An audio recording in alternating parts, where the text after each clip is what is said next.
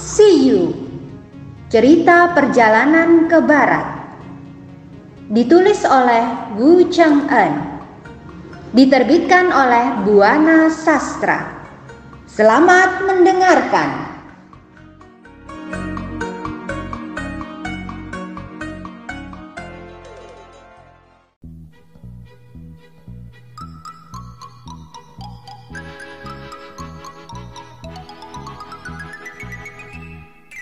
Bab 23 Wang Fei Guai mengalahkan Wukong Wukong meminta bantuan Dewa Lingji Karena menyaksikan Hu Xianfeng dikalahkan oleh Sun Wukong Semua anak buah Hu Xianfeng lari ke dalam gua.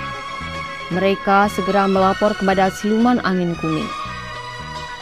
Mendengar Hu Xianfeng telah tewas oleh Wukong Siluman angin kuning kaget bukan main Monyet kurang ajar.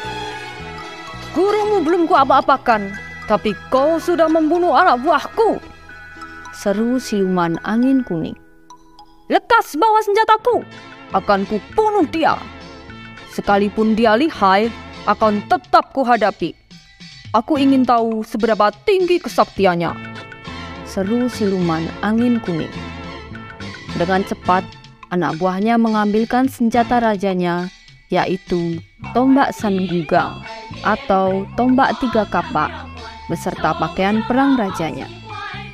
Setelah siap, siluman angin kuning keluar dari guanya. Melihat lawannya muncul, Wukong memperhatikan si siluman angin kuning. Siluman itu bertubuh tinggi besar. Wajahnya menakutkan dan seram. Dia menggunakan senjata berwarna kuning emas saat terpapar sinar matahari, pakaiannya berkilauan. Oh, jadi kau yang bernama Wukong? Kata siluman angin kuning. Betul, aku Sun, kakek moyangmu. Ejek Wukong. Jika kau mau selamat, segera kau bebaskan guruku. Dengan gusar, siluman angin kuning mengawasi Wukong yang bertubuh kurus kecil. Kemudian ia tertawa terbahak-bahak. Kasihan sekali. Kukira yang bernama Wukong orangnya gagah.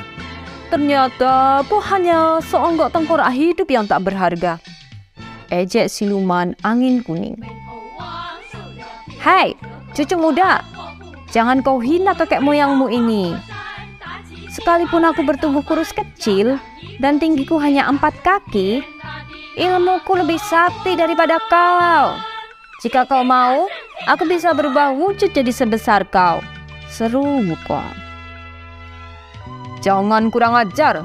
Ku hajar kau. Siluman angin kuning merasa dipermainkan. Silahkan kalau bisa, sahut Wukong. Siluman angin kuning berang bukan main. Tanpa bicara lagi, siluman angin kuning menghajar tubuh Wukong dengan san gugangnya. Namun ajaib, begitu terhajar tombak itu, tubuh Wukong berubah besar. Lalu siluman itu menghajar Wukong lagi dengan kapaknya. Semakin besar pula lawannya sehingga siluman angin kuning jadi kebingungan. Hei, monyet sialan, ayo lawan aku! Tantang siluman angin kuning lagi. Beranikah kau? Kenapa aku tak berani? Aku tidak menyerangmu karena takut kau tidak akan sanggup menahan pukulan toyaku ini. Jika kau mau, majulah ya anak kecil. Kakekmu siap menyambut seranganmu. Hati siluman angin kuning semakin panas. Ia pun menyerang Wukong lagi. Namun Wukong langsung menangkis serangan lawannya. Terjadilah pertempuran seru antara Wukong dan siluman angin kuning. Serang menyerang terjadi dengan hebatnya. Siluman angin kuning penasaran ingin cepat-cepat bisa mengalahkan lawannya. Ia ingin membalaskan kematian Hu Xianfeng. Di pihak lain, Wukong juga ingin mengalahkan siluman angin kuning karena ingin menolong gurunya. Karena masing-masing mempunyai motivasi, pertempuran jadi sangat hebat. Namun, sekalipun Wukong telah bertempur mati-matian, lawannya belum juga bisa ia kalahkan. Karena penasaran, Wukong lalu mencabut sejumput rambut di tubuhnya. Kemudian ia ciptakan menjadi Wukong tiruan yang jumlahnya lebih dari seratus. Menyaksikan lawannya menjadi banyak, siluman angin kuning cemas. Secepat kilat, ia menggunakan ilmunya. Sambil menghadap ke arah tenggara, mulutnya komat kamit membaca mantra. Kemudian, ia membuka mulutnya dan keluarlah angin berwarna kuning yang dahsyat besarnya. Angin itu bercampur debu dan pasir. Saking hebatnya angin itu bertiup, Wukong jadi kewalahan. Dengan cepat, kera kembaran ciptaannya dikembalikan ke wujud asalnya. Wukong tetap melawan musuhnya dengan berani. Namun, menghadapi angin bercampur dengan debu dan pasir yang demikian besar, Wukong semakin kewalahan. Ditambah, ia sulit membuka matanya, sehingga tak bisa melihat keadaan sekitar. Mata Wukong terasa semakin sakit karena tak mungkin melawan terus. Terpaksa Wukong kabur. Kemudian siluman angin kuning kembali ke guanya. Sementara itu, baji yang ada di lembah juga terserang angin kencang. Terpaksa ia tiarap sambil tetap memegangi tali kuda. Ternyata tiupan angin hebat itu membuat hujan pasir, sehingga keadaan alam semakin gelap, seolah matahari tertutup debu. Baji jadi cemas memikirkan Sun Wukong karena takut kakak seperguruannya kalah dalam pertempuran. Tak lama, angin pun berhenti. Baji bangun dan membuka matanya. Ia melongokkan kepalanya ke arah gua. Ternyata pertempuran itu sudah berakhir. Namun, ia tak melihat Wukong di sana. Ia pun menjadi khawatir. Ia tak sabar menunggu, tetapi juga tak berani mendekati pintu gua. Baji semakin cemas. Lalu dari arah barat terlihat Wukong mendatanginya. Kakak, dari mana saja kau? Tadi berembus angin kencang sekali. Oh, sungguh hebat, kata Wukong sambil menggeleng-gelengkan kepala. Sejak jadi manusia dan sudah bertemu ratusan kali, baru kali ini aku menghadapi lawannya tangguh. Apa yang terjadi, Kak? Sun Wukong lalu menceritakan pertempurannya dengan siluman angin kuning. Mulanya aku hampir dapat mengalahkannya. Tapi setelah ia menciptakan angin kuning itu, aku kewalahan. Mataku sulit dibuka sehingga terpaksa menghindar dan kabur. Aku terbawa oleh angin kencang itu sampai kemudian angin itu berhenti sendiri. Walaupun aku bisa memanggil angin dan hujan, tetapi punyaku tak sehebat miliknya kata Wukong. Bagaimana dengan ilmu kungfunya? Tanya Baci. Ilmu kungfunya juga tinggi, karena itu ia sanggup melawanku. Tapi yang paling hebat memang angin ciptaannya, jawab Wukong. Kalau kakak tak sanggup melawannya, bagaimana kita akan menyelamatkan guru? Kata Baci. Untuk menolong guru, kita pasti akan mengusahakannya. Tapi pertama-tama, kita harus mencari obat mata, karena mataku sakit sekali terkena serangan angin ciptaan siluman itu. Kata Wukong yang matanya agak bengkak dan terasa pedih. Oh, maaf, aku tak tahu matamu sakit. Bagaimana keadaan matamu, Kak? Baci khawatir. Sekarang rasanya tambah sakit. Itu kenapa air mataku meleleh terus kata Wukong yang baru menyadari matanya sakit sekali. Celaka, hari mulai gelap. Jangankan obat, tempat untuk berteduh saja tak ada, kata Baji. Kita tak perlu mencari tempat istirahat. Aku yakin siluman itu tak akan mencelakakan guru. Lebih baik sekarang kita pergi dari sini untuk mencari rumah penduduk. Besok baru kita pikirkan cara untuk menolong guru. Kata Wukong lagi. Baiklah, ayo. Jawab Baji. Kemudian sambil menggendong bungkusan pakaian gurunya, Baji menuntun kuda putih itu. Hari mulai senja. Ketika mereka sudah melewati sebuah tanjakan, didengarnya suara gonggongan anjing. Wukong dan Baji senang karena suara gonggongan anjing menandakan bahwa mereka telah menemukan perkampungan penduduk. Benar saja, saat mereka memandang ke arah selatan, terlihat lampu-lampu mulai dinyalakan penduduk. Dari jauh, Wukong dan Baji juga melihat sebuah rumah besar yang lampunya sudah menyala. Mereka segera menuju rumah besar itu. Sesampai di depan pintu pekarangan, Baji mengetuk pintu sambil memanggil-manggil pemilik rumah. Tak berapa lama, muncul seorang tua bersama petani muda. Mereka datang sambil membawa cangkul dan alat pertanian mereka. Siapa itu? Tanya orang tua itu. Wukong dan Baji memberi hormat. Kami berdua adalah murid bisu Tan Sangsang dari negeri Tang. Jawab Wukong. Kami sedang melakukan perjalanan ke barat untuk mengambil kitab suci. Tapi malang, guru kami ditawan oleh siluman. Namun, sebelum kami berhasil menyelamatkan guru kami, hari sudah malam. Karena itu, terpaksa kami datang untuk minta izin bermalam. Bolehkah kami bermalam di sini? Kalian diganggu siluman, kata orang tua itu. Benar, jawab Wukong. Itu sebabnya tadi kami tak segera membukakan pintu pekarangan, sebab kami takut itu adalah gangguan orang jahat dan siluman, kata orang tua itu. Kemudian orang tua itu menyilahkan Wukong dan Baji masuk. Terima kasih tuan, kata Wukong. Wukong dan Baji segera masuk ke halaman depan rumah itu. Setelah menambatkan tali kuda, mereka dipersilahkan masuk ke rumah. Keduanya kemudian dipersilahkan duduk. Seseorang menyajikan teh hangat berikut makanan untuk Wukong dan Baji.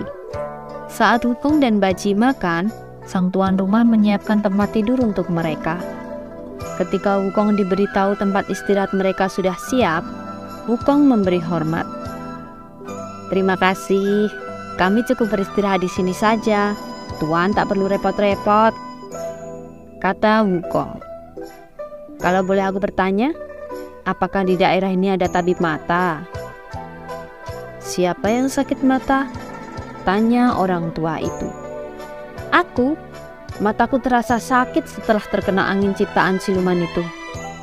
Sekarang pun mataku terasa sakit dan pedih, kata Wukong. Celaka, angin ciptaan siluman angin kuning memang sangat berbahaya, kata si orang tua. Memangnya angin apa itu? Tanya Wukong.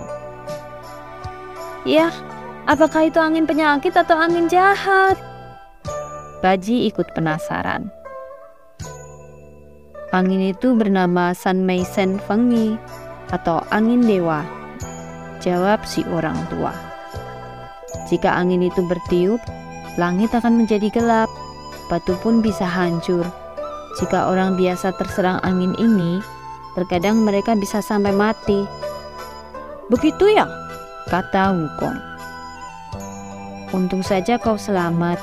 Mungkin karena ilmumu tinggi. Kata si orang tua. Ya, aku selamat karena ilmuku tinggi. Tapi mataku jadi sakit.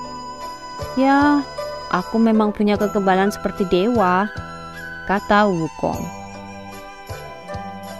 Pantas saja kau tahan dari angin itu. Sayangnya, di sini tak ada tabib mata. Tapi kalau kau mau, aku masih punya obat simpanan.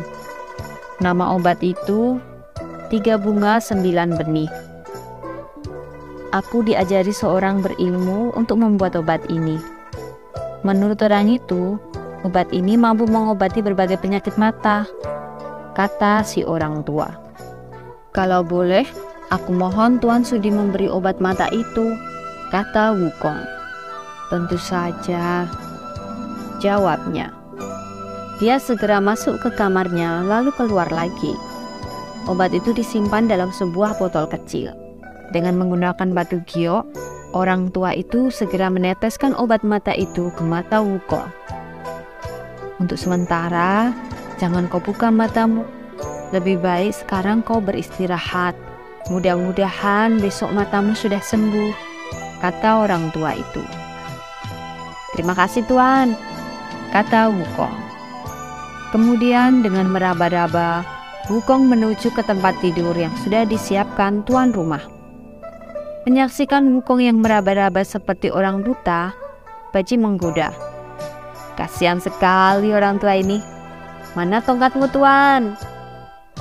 Tapi busuk, Kau kira aku orang buta? Taji tertawa.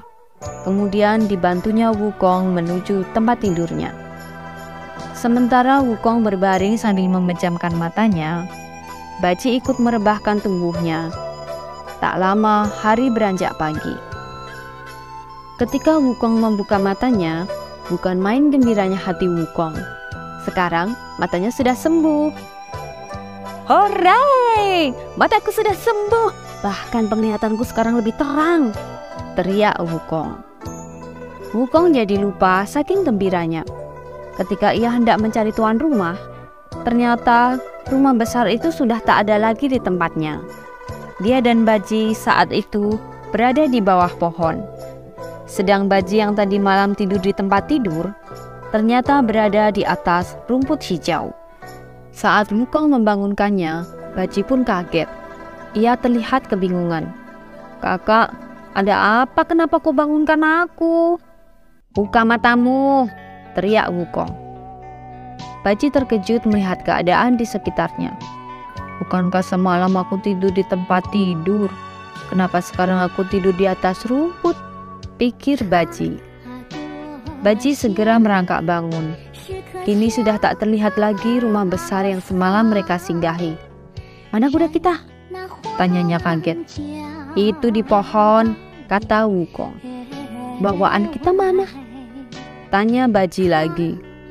Kalau yang ada di sampingmu itu apa bodoh? Benar saja, ternyata bawaan yang dicarinya ada di sampingnya. Dasar sial, rupanya tuan rumah yang kita datangi semalam sudah gila pergi tidak pamit dulu pada kita, kata Baji. Wukong menggaru-garu kepalanya yang tidak gatal. Kakak, barangkali orang tua itu takut pada kepala kampung. Karena itu malam-malam dia pindah tanpa memberitahu kita. Tapi, kenapa ketika dia membongkar rumah yang kita tempati, kita tidak mendengarnya? Baji bertambah bingung. Wukong menertawakan Baji. Dasar bodoh. Sudah, jangan mengoceh terus. Coba kau lihat di atas pohon itu. Ada secari kertas. Mungkin itu secari surat, kata Wukong. Baci mengambil kertas di atas pohon itu. Kertas itu bertuliskan, Rumah itu adalah ciptaan Dewa Penunjuk Kebenaran. Kami minta kalian bersungguh-sungguh melawan siluman angin kuning. Tak kusangka dewa-dewa ini mulai gila Sejak kuda guru dimakan naga dan diganti dengan kuda naga ini, mereka tak pernah bisa kuperintah-perintah lagi. Kata Wukong. Ah, kakak jangan bercanda. Mana mungkin dewa bisa kau suruh-suruh? Kata Banci. Untuk apa aku membohongimu? Dengar baik-baik. Ada beberapa dewa yang diperintah Dewi Guan Yin untuk melindungi guru secara diam-diam. Tapi sejak kau ikut kami, dewa-dewa itu jadi menganggur. Oh, pantas saja dia melakukannya secara sembunyi-sembunyi, kata Baji. Sudahlah, mari kita cari guru. Untuk apa kau memahami mereka? Bukankah mereka sudah membuatkan kita rumah dan memberi kita makan? Mereka juga sudah mengobati matamu. Ayo, mari kita pergi untuk menolong guru, kata Baji. Kau benar, mari kita selidiki keadaan guru. Kita harus segera menolongnya, kata Wukong. Ketika Wukong akan pergi, Baji hendak ikut. Tidak usah, lebih baik kau jaga kuda kita di sini. Pertama, aku akan mencari tahu tentang guru. Apakah ia masih hidup atau sudah dimakan siluman? Kemudian barulah kita pikirkan cara menolong guru. Kata Wukong. Kau benar, lebih baik kita cari tahu dulu. Kalau guru sudah dimakan siluman itu, kita berunding lagi bagaimana baiknya. Apa kita akan terus ke barat atau kembali pulang? Kata Baji. Sudah, kau jangan banyak bicara. Sekarang aku berangkat, kata Wukong. Dengan sekali lompat, Wukong terbang ke udara. Tak lama, Wukong pun sampai di depan gua siluman angin kuning. Dari atas, Wukong dapat menyaksikan anak buah siluman itu masih tertidur. Karena tak ingin membangunkan siluman itu, Wukong mengubah dirinya menjadi nyamuk. Kemudian, Wukong terbang ke arah penjaga pintu yang sedang tidur. Dengan cepat digigitnya muka penjaga itu. Penjaga itu kaget. Ketika hendak menepuk, nyamuk itu cepat-cepat kabur. Siluman itu merasa gatal dan perih. Ketika ia memperhatikan nyamuk yang menggigitnya, siluman itu kaget. Ih, besar sekali nyamuk itu. Kemudian nyamuk itu menengadah. Ah, hari sudah siang, katanya. Wukong melihat pintu gua itu terbuka. Dengan cepat, Wukong yang menyamar jadi nyamuk terbang menyelinap masuk lewat pintu gua. Di dalam gua, Wukong melihat Raja Siluman itu sedang mengatur anak buahnya. Lekas kalian jaga pintu gua itu, perintahnya. Kurasa Angin yang kuciptakan kemarin tak akan membinasakan si keranakal itu. Jadi, hari ini pasti ia akan datang kembali ke tempat ini. Tapi kalian jangan takut, jika dia datang lagi, akan kubunuh dia. Wukong yang menyamar jadi nyamuk tak menghiraukan ucapan siluman angin kuning. Ia langsung terbang ke arah sebuah pintu. Kemudian, dari sebuah celah, ia masuk ke taman belakang. Di tempat itu, ia melihat gurunya sedang terikat dengan kencang di sebuah tiang. Tang Sanzang kelihatan sangat takut dan sedang menangis. Wukong yang menyamar jadi nyamuk lalu hinggap di atas kepala gurunya. Guru, ini Wukong, bisiknya perlahan.